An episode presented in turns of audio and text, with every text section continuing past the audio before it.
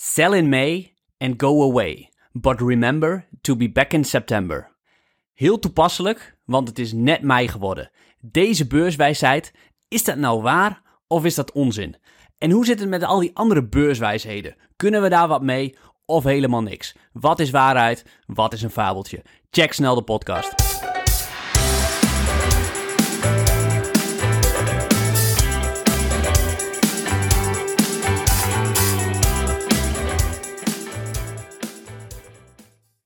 Ja, leuk dat je luistert. Mijn naam is Barbara. En ik ben Rowan. Ja, en Rowan, deze aflevering zit vol met wijsheid. Beurswijsheden. Ja, niet zomaar wijsheid, wijsheid van de beurs. Yes. Nou ben ik benieuwd, geloof jij zelf in die beurswijsheden? In sommige wel. In sommige wel. Sommige zitten zit een kern van waarheid in. Andere is, zijn fabeltjes. Oké, is er ook eentje waar jij zelf echt wat mee doet? Ja, En die zit ook in deze die podcast? zitten zeker in. Ja, ja, ja. Oké, nou daar komen we dan straks op. Mooi. Ik ben benieuwd, want volgens mij heb je er elf voor ons in petto. Ja. Lieve luisteraar, als jij na afloop van deze aflevering nou echt eentje mist, ga dan vooral naar onze community. Dat is gratis, daar hebben we een board en daar kan je meepraten over de podcastaflevering. We zullen de link ook in de shownotities zetten. En laat ons dan vooral weten welke je mist of wat jouw gedachten zijn over de beurswijsheden in het algemeen. Dat vinden we ontzettend leuk. Ja, community.ronwanheibel.nl Heel goed. En dan gaan we nu van start, want in de intro noemde je al... Sell in May and go away, but remember to come back in September. Waar of niet waar? Ja, die quote hoor je elk jaar weer. Eh, gelijk verklappen? Nee, is, is dikke onzin. Maar er zijn wel een paar grappige dingen.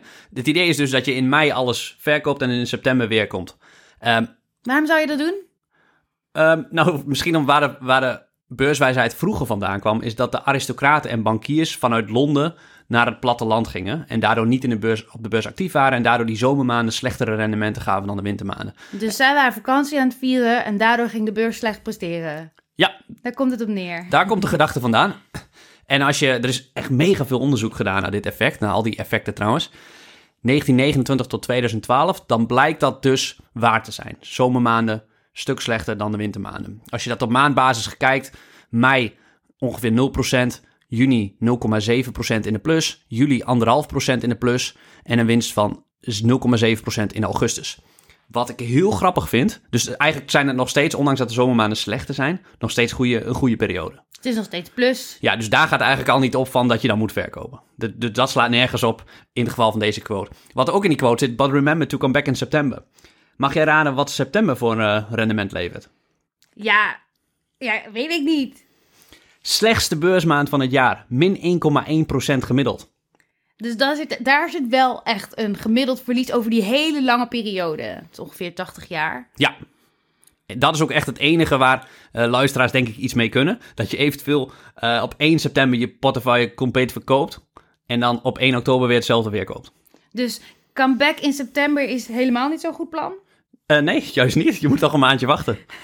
Misschien terugkomen in oktober. Ja, ja. Oké, nou vind ik natuurlijk wel, je zei het komt uit 1929 al. Dat was een heel ander tijdperk. Toen Ja. zaten we letterlijk nog in het industriële tijdperk, terwijl we nu in het informatie slash digitale technologische tijdperk zitten. ja. Dus mijn radartjes gingen aan bij deze quote. En ik dacht, ja, is dat dan nu nog wel, geldt dat wel in, deze, in dit tijdperk? ja. Dus daar heb, heb ik een kort onderzoekje aangeweid. Daar heb jij mij mee geholpen. En ik heb gekeken naar de S&P 500, want ik moest toch iets hebben wat een beetje representatief was. En ik heb gekeken naar de prijs in mei en de prijs in september. En puur daarop gebaseerd, dus dit is totaal niet wetenschappelijk, gekeken, was het nou slim geweest om te verkopen in mei en terug te komen in september? Roan, tromgeroffel? Nee, dat bleek niet het geval. Je moet wel wachten tot het tromgeroffel voor mij is. Oké, dat was dus niet het geval. Nee, nee, nee. Maar wat wel heel grappig was aan, aan ons onderzoek is dat als je naar september kijkt, dat vier van de tien keer echt een daling was in september. En ook best wel een forse daling. Dus als je dat had gedaan, had je, had je waarschijnlijk goed gezeten.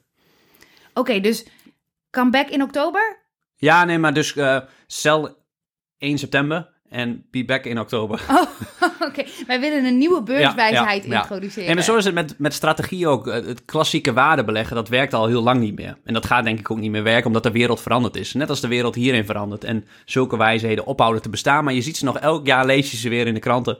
Ja, alleen één ding. Kijk, die jaren waarop wij zagen dat er zelfs een forse daling was in september, daar was geen pijl op te trekken. Er was niet een significante gebeurtenis waar waardoor wij dachten, oh, dat heeft het veroorzaakt. Dus met andere woorden, als je een particulier belegger bent en je wilt daarop inspelen, hoe ga je dat voorspellen? Je weet gewoon niet of het dit jaar, september, een positief beursjaar gaat geven of toevallig een kleine daling. En volgens mij, maar correct me if I'm wrong, moet je gewoon lekker blijven zitten en herstelt die beurs zich wel weer. Ja, en ik doe dus helemaal niks met deze eerste. Oké, nou, dan gaan we naar de volgende. Nummer twee, het januari-effect.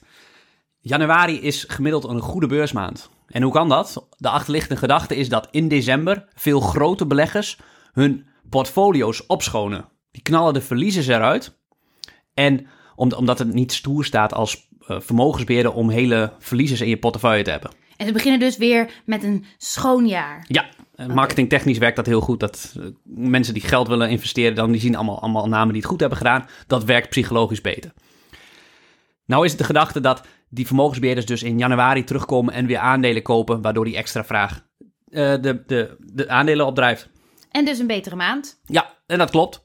En, maar ook hier weer, daar kun je eigenlijk niks mee. En ook als je de laatste 20 jaar bekijkt en de S&P pakt, dan steeg die 10 keer in januari en daalde 10 keer. Dus dat effect is er ook een beetje uitgelopen, want in het verleden was januari een veel betere maand, de afgelopen 20 jaar een stuk minder. Dus bust dit. Bust dit. Gaan we naar de volgende. Oké. Mondays, maandagen, zijn, zijn, gemiddeld slechte dagen. Dat klopt. En de gedachte is dat slecht nieuws dat tijdens het weekend bekend wordt gemaakt, dan heb je dus twee dagen, door beleggers pas op maandag verwerkt kan worden. Ja, want de beurs is dicht, dus je kunt die, die wijzigingen, dat mensen dan zeggen, ik wil verkopen, dat ga je dan niet zien tot maandag als de beurs weer open is. En dan zie je dat effect dus op maandag. Klopt. En dat wordt psychologisch misschien nog wel eens versterkt, bedenk ik me, door een Black Monday. Want die had je zowel in 1929 als in 1987. Twee dramatische beursdagen. En uh, natuurlijk na het weekend. En toevallig plaatsgevonden op een maandag, maar dus wel dat maandag effect versterkt. Ja. Oké. Oké. En, en vrijdag juist een extra goede dag is. Dat blijkt ook uit het onderzoek. Heb je daar ook een verklaring voor? Nee, dat, nee, eigenlijk niet. Nee, nee, ik, nee, ik heb zover heb ik niet gekeken. Oké. Nou, dan is het denk ik alweer tijd voor de volgende. Ja. En dit zijn, de, de, de eerste drie waren meer de data gedreven. Die kun je dus heel makkelijk onderzoeken op basis van wetenschappelijk onderzoek. Wat werkt en wat werkt niet. De rest is, is meer uh, waar beleggers het over praten. Wat eigenlijk heel leuk is en waar je als beleggers ook met elkaar aan kan relateren. Bijvoorbeeld de volgende. Als een aandeel uh, forst daalt. Don't try to catch a falling knife. Dat betekent koop het aandeel niet in zijn daling? Ja, ja. Maar je zegt altijd, je kan het niet timen, dus hoe weet je wanneer die daling eindigt? Ja, nee, maar dus ik vind deze ook, deze ook onzin. Oké. Okay. uh, sterker nog, ik vind het de taak van de belegger om een vallend mes juist te timen. Als de prijs maar goed is voor het aandeel, dan wil je die juist opvangen. Ik ben het er wel mee eens met die strekking dat een aandeel dat fors daalt, vaak nog lang blijft doordalen. Ja, dus je wilt hier wel heel voorzichtig mee zijn. Want als je dat mes te vroeg opvangt, dan pak je de rest van de daling ook nog mee. Ja, ja. Maar het is wel zo, als je het over een crisis hebt in het algemeen en niet over een individueel aandeel. Als dat aandeel, uh, als, als, als de index fors daalt, dan zeggen ze veel beleggers bijvoorbeeld, don't try to catch a falling knife. Maar beleggers die dat gaan zeggen tegen elkaar, die planten een soort van anker in hun kop, dat je dat niet wil vangen. Maar uiteindelijk, uh, zo'n dalend mes die moet je een keer vangen, want hij stopt een keer met dalen. Alleen dat punt van daling, dat is heel lastig te timen. En veel beleggers die daarmee bezig zijn met deze quote, die stappen dan helemaal niet in in zo'n crisis. Die zijn dan te laat, die wachten eigenlijk al tot de beurs weer hersteld is. Maar het is toch, ja, is het dan zo erg om in te stappen als de beurs een eerste tekentje van herstel heeft laten zien? Is dat niet gewoon ook een heel mooi moment? Uh, vaak niet. Vaak ben je dan al te laat. Want na een grote daling, de eerste goede dag is vaak ook een mega goede dag. Dan hebben we het over 10% erbij op of zo? Ja, ja, ja, in die orde van grootte. Ook, ook na corona, die daling, de eerste positieve dag was, was inderdaad weer 10% erbij of zo. Aan de andere kant, als jij hem, mm, als jij hem dan te vroeg koopt en hij pakt die eerst die 10% nog weer mee en dan pak je die 10% weer omhoog, ja, heb je ook niks aan. Nee, dat klopt. Dus kijk, in theorie is het perfect. Dan moet je een aandeel op het dieptepunt kopen. Ja. Ja, ja dat, maar, maar dat, dat kun je gewoon niet voorspellen. Niemand heeft die glazen bol. En als jij gewoon denkt op deze koers is die goed gewaardeerd, kan ik hem kopen? Ja, dan moet je dat gewoon doen. Ja, en dan draait het dus wel echt over waarderen. Kijk, iemand die de index koopt, die zal niet zo snel ook met waarderen bezig zijn.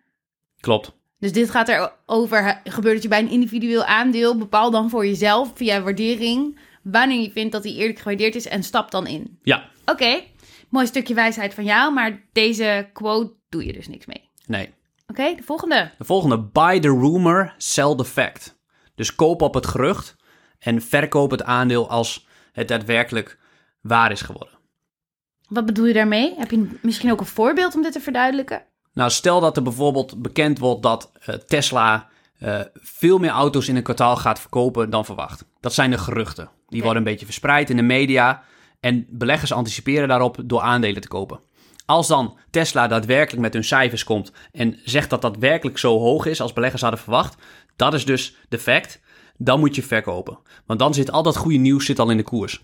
Maar dit gaat eigenlijk alleen op voor goed nieuws. Want je zegt altijd als het aankomt op zaken als fraude en zo, riskeer het niet. Is de rumor er, verkoop onmiddellijk. Wacht niet tot het een fact wordt. Ga niet zitten wachten, want dan ben je alles kwijt. En waar rook is, is vaak vuur, ja.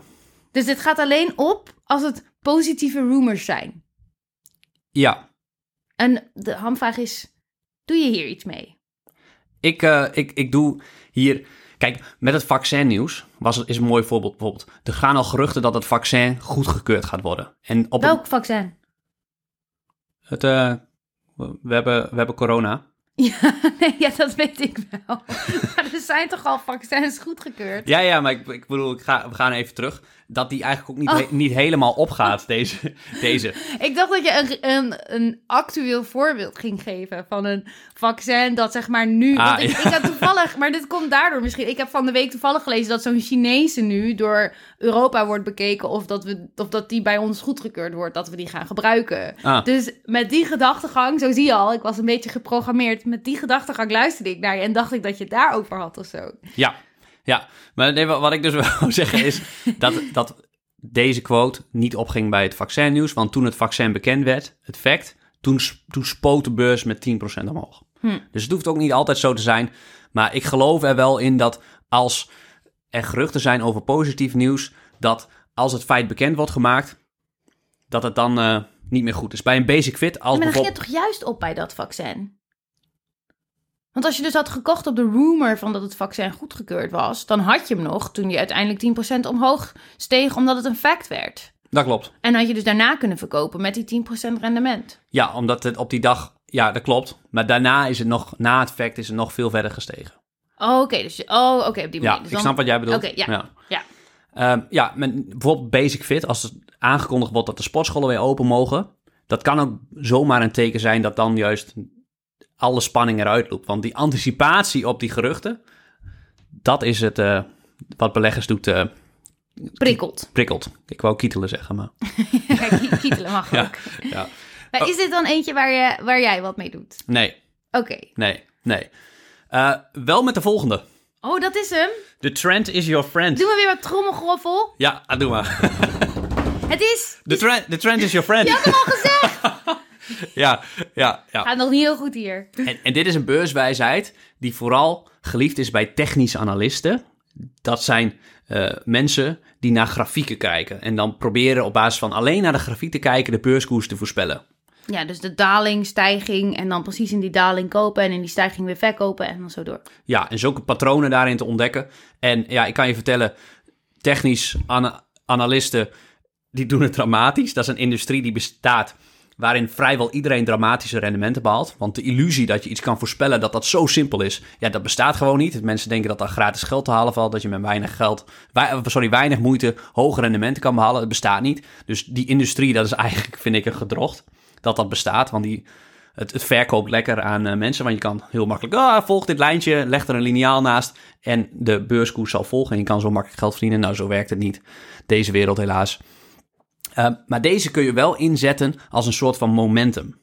Daar gebruik ik van. Dat, want wetenschappelijk onderzoek wijst uit dat als een aandeel de afgelopen zes maanden goed gepresteerd heeft, gemiddeld, hij de komende zes maanden goed gaat presteren.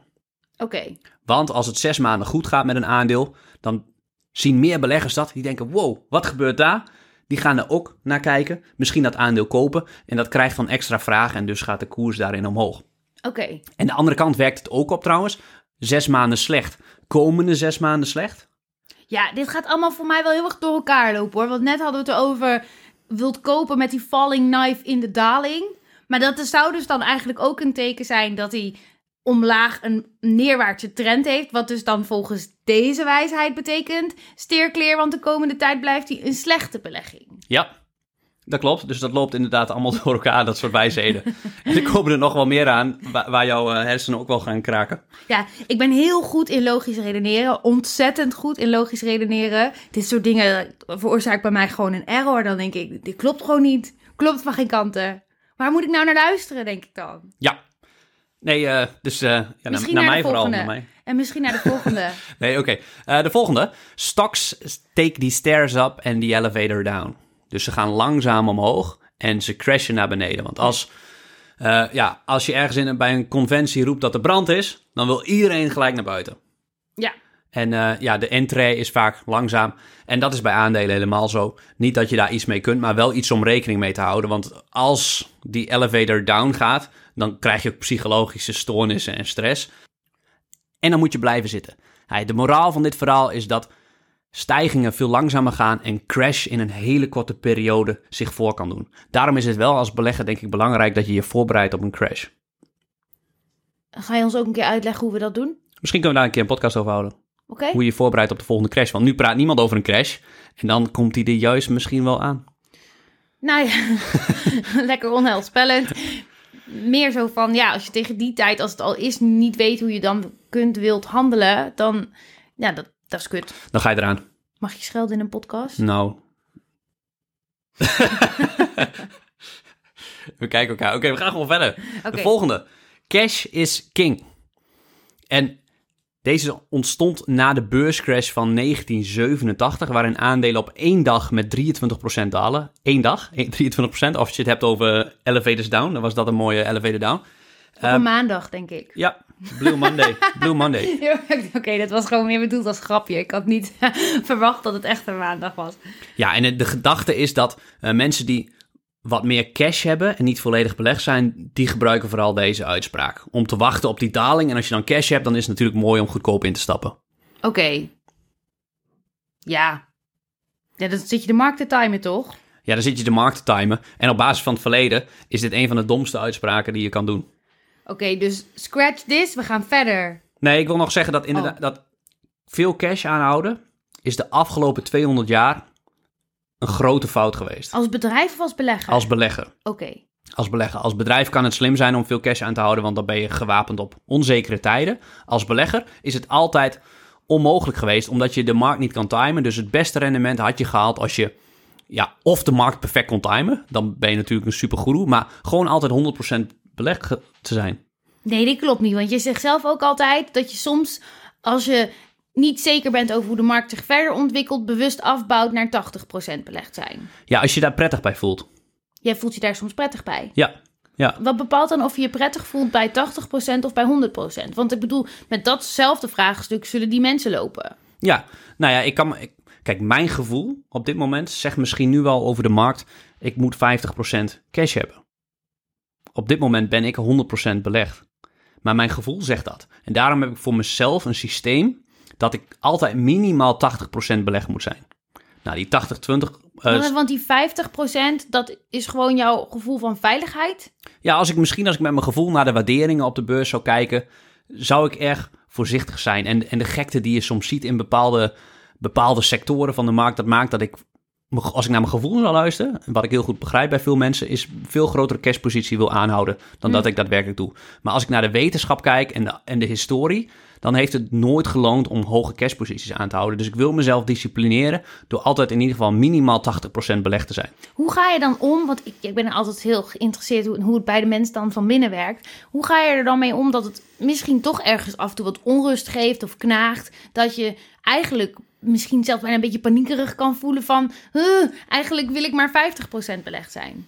Ja, dat, dat klopt. En, maar daarom heb ik dus gewoon dat systeem voor me. Maar hoe ga je er dan mee om als je dat toch even voelt? Ehm, dan val ik terug op mijn systeem. En dat is mijn eh, belofte aan mij. Dat ik niet minder dan 80% belegd zijn. En nu kan ik me voorstellen dat luisteraars denken... oh, misschien ga ik dat ook doen, minimaal 80% belegd... terwijl je nu nog 80% aan cash hebt bijvoorbeeld. En dat morgen die crisis komt. Ja, En dan blijkt dus wat ik nu zeg eh, hartstikke dom te zijn geweest. had je naar je gevoel moeten luisteren. Je- ja, ja, maar mijn theorie is dus gebaseerd op dat je een crash niet kan voorspellen. Je weet niet wanneer die komt. Je weet zeker dat die komt, maar niet wanneer. En dus kan je maar beter volledig belegd zijn. En zo'n crash omarmen als die komt. En daar dus goed op voorbereid zijn. Waar we dus een keer eh, een andere podcast over gaan doen. Vind ik leuk. Ja, lijkt me ook leuk. Ja. Ik voel me nog genoodzaakt om een disclaimer te geven. Jij bent zeer ervaren in het selecteren van aandelen. Jij hebt dan ook vaak maar 10 aandelen tegelijk. Ja. Dus als we even een makkelijk rekenvoorbeeld nemen en jij belegt een ton, dan betekent dat dat jij met eh 80% belegt, zou je 20.000 euro aan cash hebben. Ja. Dat zou ook precies twee aandelen zijn. Dus het betekent eigenlijk dat jij twee aandelen bij zou kopen. Nou vind jij niet zo vaak koopjes. Dus sowieso als jij besluit van 80% naar 100% belegd te gaan... zal dat eerst één extra aandeel zijn. En op een later moment, als je een tweede goede kanshebber hebt gevonden... waar eerst weer een paar maanden overheen gaat minstens... dan zal jij die tweede kopen. Dus zelfs als iemand nu zit op dat 20% belegd zijn... doe je aankopen in etappes. Ga nu niet in Zeker. één keer schuiven met dat geld. En, en misschien wil je er wel langer dan een jaar over doen als je toch zegt: Oké, ik wil ook mezelf naar die 80% belegd brengen. Misschien wil je daar echt wel meer dan een jaar over doen, minstens om die posities op te bouwen. Voorop staat dat je goede aandelen kiest. Ja, Uiteindelijk ga je niet eerst kijken naar hoeveel procent ben ik belegd. Want als er gewoon geen kansen zijn in de markt, ja, mijn god, ga dan niet 80% belegd of hoger doen. bedankt voor de toevoeging. Ja, ik voel me Ja. genoodzaakt die disclaimer te geven. Ja, doe geen overhaaste beslissingen. Laat je niet leiden door FOMO. Neem de tijd. Eh, tijd. Tijd is de vriend van de lange termijn beleggen. Ja, eh, dit mag je ook op onze community posten. Heb je hier toch een vraag over en denk je, nou, ik zou wel eens weten hoe anderen hier naar kijken of wat die in mijn positie zouden doen? Ga naar onze community, community.roannijboer.nl en stel daar je vraag en dan krijg je van onder andere Roan, maar ook een heleboel andere topbeleggers een gouden antwoord. Een gouden antwoord. Mooi. Dan gaan we naar de volgende. Let your profits run and cut your losses short. Oké, oké. Dus laat je winst lopen en snij je verliezen eraf. Ja. Zoiets, vrij vertaald. Ja, ja. Dus, eh, dus eh, inderdaad, aandelen die goed gaan, die moet je houden. Oké. En aandelen die slecht gaan, die moet je misschien wel soms verkopen. En beleggers doen andersom, wat logisch is. Want ehm verliesaversie, die theorie gaat ervan uit dat verlies van geld veel meer pijn doet dan dat hetzelfde eh, winst aan plezier oplevert. Dus dat maakt het heel erg moeilijk om als een aandeel in de rood staat in je portefeuille, om dat verlies om te verkopen en dat verlies te nemen. Psychologisch super, super moeilijk. Daag iedereen uit om dat een keer te doen. Eh, want soms is dat gewoon de beste beslissing. Ja, bijvoorbeeld als een, een, een bedrijf echt zijn waarde verliest en gewoon niet meer zoveel waard is op de beurs, dan is het gewoon een permanent verlies. Ja, dan is een permanent verlies van kapitaal en dan kan je het beter eh, die daling nemen. En de vraag is dan uiteindelijk, is die daling, is die nou minder of meer dan de daling van de waarde van het bedrijf? Het is zo lastig, er zit zoveel psycholo psychologie bij. Want je wilt, je wilt uiteindelijk puur rationeel kijken naar waar gaat mijn geld het meeste voor mij aan het werk? Waar Ja. levert het het meeste op? Maar op een ander niveau heb je gewoon al een verbintenis met een aandeel. Op het moment dat je daar diep in zit, je hebt er al veel tijd aan besteed, veel onderzoek. Je hebt het helemaal omarmd. Je hebt besloten dat het wat voor je was. Dat zijn allemaal van die elementen die er dan bij komen kijken. Ja, en die ja, ervoor zorgen dat je niet meer puur rationeel kan kijken naar... Oké, los van alle emoties en dingen, is dit nog de plek waar mijn aandeel of waar mijn geld het het beste gaat doen, of is het dat niet meer? Ja, ja. Nee, klopt. En ik, ehm, ik denk dat bijna alle beleggers heel erg slim zijn. Ik denk dat daar niet mijn voorsprong ligt. Mijn voorsprong ligt, denk ik, waarom ik de markt op lange termijn versla, is de mindset. Ja, de mindset, maar ook trucjes en regeltjes die je volgens mij hebt en volgt. Ja, ja, ja. En trouw aan bent. Ja, ja. Want anders doe je maar wat.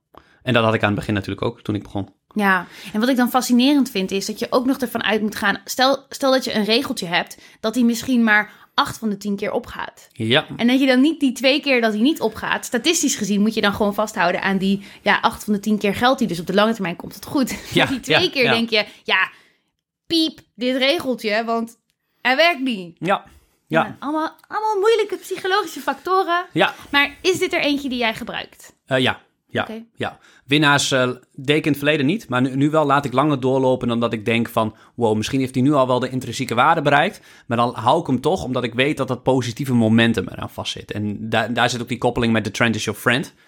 En ehm, ik probeer in die zin ook, kan ik ook sneller mijn verliezen nemen.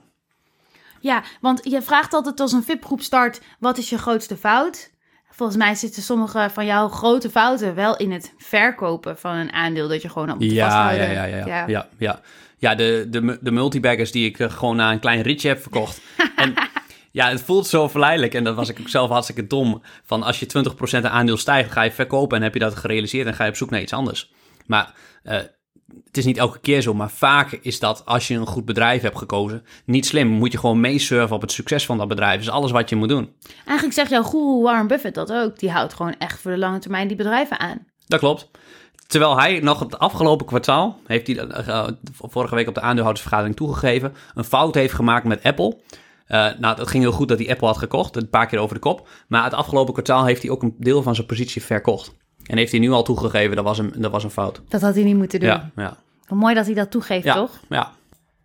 Als je het leuk vindt trouwens, ik heb uh, de lessen die ik heb geleerd van de aandeelhoudersvergadering, vijf uur lang of vier uur lang luisteren naar Warren Buffett en Charlie Munger op het podium in uh, Amerika. Ja, dat was vorige week, hè? Ja, Ja. ja. Uh, heb ik gedeeld op de community in een bestandje. Dus voel je ook vrij om daarop te reageren. Als je hebt gekeken, geef de lessen aan die jij hebt geleerd. Of misschien ben je het helemaal niet eens met ze. Ja, we zullen de link ook in de shownotities zetten. Of ga gewoon naar onze community en dan kan je hem wel vinden. Yes. Dan hebben we er nog één. Ja, nog twee. Nog twee. De eerste is wie geschoren wordt, moet stil blijven zitten. Nou, dat klinkt niet echt uh, heel fijn. Uh, nee. nee. Maar het idee is, het kwam vroeger van, de Am van het Amsterdamse beursplein waar kapsalon Jansen zat. En al de beursjongens die gingen in een kappenstoel zitten voor een knipbeurt of lieten zich dagelijks scherend. En dat is ook gekoppeld met uh, aan, aan de beurs, dat als het een tijdje slecht gaat, ja, dan moet je gewoon stil blijven zitten. Betekent dat dan niet kopen, niet verkopen? Of wat betekent dat dan precies? Ja, stilzitten, niks doen en de storm over laten waaien. Dus gewoon naar je portefeuille kijken, naar de rode cijfertjes. En gewoon wachten tot het weer groen wordt. Ja, en, uh, en dus uitzoomen en denken van ja, dit is in dit moment gaat alles heel slecht, staat de wereld op instorten. Maar beter is het gewoon om, uh, om, om stil te zitten en te blijven zitten. Want als je gaat bewegen in die stress, in de kappenstoel, met die scheermes in je nek, dan ga je, dan ga je domme dingen doen. Dat is niet slim. Ah, mooie symboliek. Hm. Volgende. Ja, volgende. Dit vind ik echt zelf een hele mooie, want uh, zelf nog heel actueel uh, recent. Markets can stay irrational longer than you can stay solvent. Oké, okay, dus mark, markets, dat, vertaal, dat vertaal je naar uh, de beurs? Ja, ja, ja. De beurs kan langer irrationeel zijn dan dat jij geld hebt om dat op te vangen. Exact, solvabel, solvabiliteit, dat je geld hebt om, uh, om door te kunnen gaan met wat je wil. Ik denk dat je doelt op GameStop. Ja, exact. Ja, ja. ja, ja, ja. Want dit hebben die hedge funds onderschat. Ja. Um, ondanks dat de beurskoers van GameStop natuurlijk hartstikke irrationeel is. Dat slaat nergens op, losgezogen van de fundamentele waarde. En hedge funds gingen short doordat ze dachten dat, ja, dat, dat kan niet blijven bestaan. Het is zo'n slecht bedrijf, fundamenteel. Maar doordat al die particulieren dat fonds kochten en dat best wel lang zich deed voordoen, waren die hedge funds niet solvabel meer. En moesten ze gedwongen. Hadden Ja. ze, hebben ze misschien wel gelijk gehad, maar hebben ze toch verloren. Ja, precies. Ja, als je wilt weten hoe dit precies zat, dan raad ik aan om de podcastaflevering over GameStop te gaan luisteren. Want het is echt te lang om daar nu weer op in te gaan. Maar wel relevant. Inmiddels een documentaire over. Oh ja, op uh, waar? Discovery, Discovery Plus. Plus. Ja, Ja. ja. is wel leuk. Is wel Ja. leuk. Ja, heb je hem gekeken? Ja. Ja, ja, ja, het gaat vooral ook over de, de mensen die meedoen aan die GameStop. Dus de particuliere beleggers die zich tegen het grote geld verzetten. Hmm, Super mooi om te zien. Oké. Eh, maar deze komt trouwens van Keynes, de econoom. Oké. En eh, ja, gaat eigenlijk elke keer op. En dat was het eigenlijk wel. Nou ja, misschien nog een soort van bonus. eh, want de- ik werd ook geïnspireerd door een lijst van Joey en Arwin. Die inspireerden me voor deze podcast. En die kwamen ook met de quote... De crash komt altijd als een dief in de nacht. Net als je het niet verwacht. Hmm. Mooi, mysterieus. En dat is wat ik veel nu met, met, met beleggers die ik spreek. Heel weinig verwachten op dit moment een crash. Want de wereld gaat open. Alles lijkt nu goed te gaan. Ja, Wie zal het zeggen? Wie zal het zeggen? En dat is vaak wel de kiem voor een volgende crisis. Als mensen niet meer denken dat er een crisis is, dan ligt die misschien wel juist op de loer. Mooi filosofisch. Wat denk jij? Ik, zoals altijd, over een crisis, de timing, dat weet jij inmiddels, geen idee. En iedereen die ooit zegt dat hij denkt dat de beurzen de komende tijd fors gaan dalen of fors gaan stijgen, die zou je eigenlijk, ja, dat klinkt heel gek, maar dat zou ik niet serieus nemen. Dat, want je kan het niet voorspellen. En ik denk dat Warren Buffett juist een track record van 60 jaar heeft neergezet van 20% per jaar, doordat hij altijd heeft gezegd, geen idee wat de beurs gaat doen op de korte termijn. Hmm. En niet focussen op iets waar je geen controle over hebt en wat je niet kan voorspellen. Focus je op waar je controle over hebt. Dat is je eigen proces. Hoe, welke aandelen je kiest, hoe je dat doet, je eigen systeem. Daar kun je op focussen en daar kan je het verschil maken. Jij maakt hier zo'n ontzettend mooi bruggetje dat ik hem ook ga aangrijpen ook. Oh. Want we hebben een nieuw evenement. 5 juni geven we een masterclass over financiën en waarderen. Ja, leuk. En laat dat nou precies zijn waar als belegger je eigen kracht ligt. Om zelf te kunnen gaan inschatten hoe goed gaat dit bedrijf doen, denk je? En hoe Ja. goed doen ze het nu? Hoe goed zijn de cijfers? Leg jij het maar uit. Lijkt me beter.